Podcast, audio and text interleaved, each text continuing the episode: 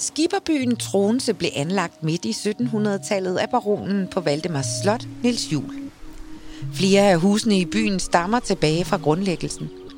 Godt 25 huse er fredet, især langs de gamle gader, Badestuen og Grønnegade, hvor 1700-tals huse i bindingsværk ligger tæt.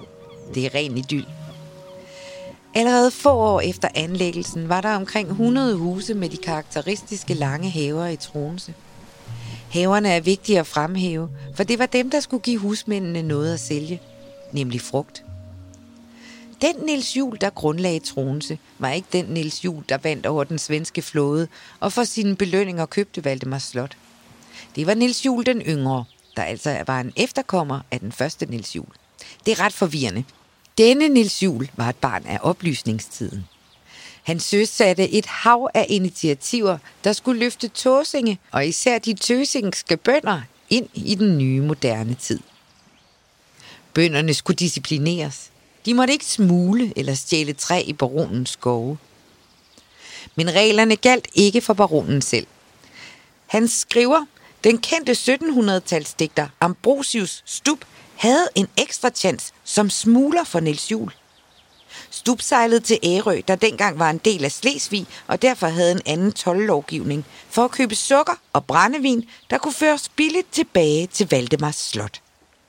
En dag kom det til kamp mellem baronens smuglere og tolvforpagterne. Tollerne lagde til i tronse for at kontrollere de skibe, der lå ved skibsbroen. Men skytter fra slottet skød kaptajnens hund og truede tollerne med arme og bens i stykkerslåelse. Baronen bakkede sine folk op i den efterfølgende retssag. De havde ikke gjort noget galt, mente han. Den første folketælling fra Troense er fra 1787, og i den kan vi se, at det var søfarten, der for alvor tegnede Troens profil. Ikke havebrug eller industri. Over halvdelen af alle familieoverhoderne var beskæftiget med søfart, skibsbygning og håndværk. Det blev kun endnu mere udtalt op i 1800-tallet. I 1834 drejede det sig om 87 procent af de erhvervsaktive, der var knyttet til søfart. Langs Svendborg Sund byggede man skibe, som de lokale sejlede på, og fra Tronse sejlede skibene til havne i Østersøen og så langt væk som Kina. Om vinteren lå skibene oplagt i Pilekrogen, vinen ud for Tronse. Søfolkene, der gik hjemme, stod gerne på hjørnet uden for Købmann Storms butik og fortalte historier, mens de spyttede langspyt. Så gik de sig en tur langs stranden og vendte Tronses yderste spids. Det kaldte de at vende Kap Horn. Den tur kan du med fordel selv gå, men lad gerne være med at spytte. Søfarten i Tronse æbbede ud omkring 1. verdenskrig. Allerede der var Tronse en turistby. De såkaldte landliggere valgfartede til Tronse om sommeren. Der blev etableret pensionater og badehoteller.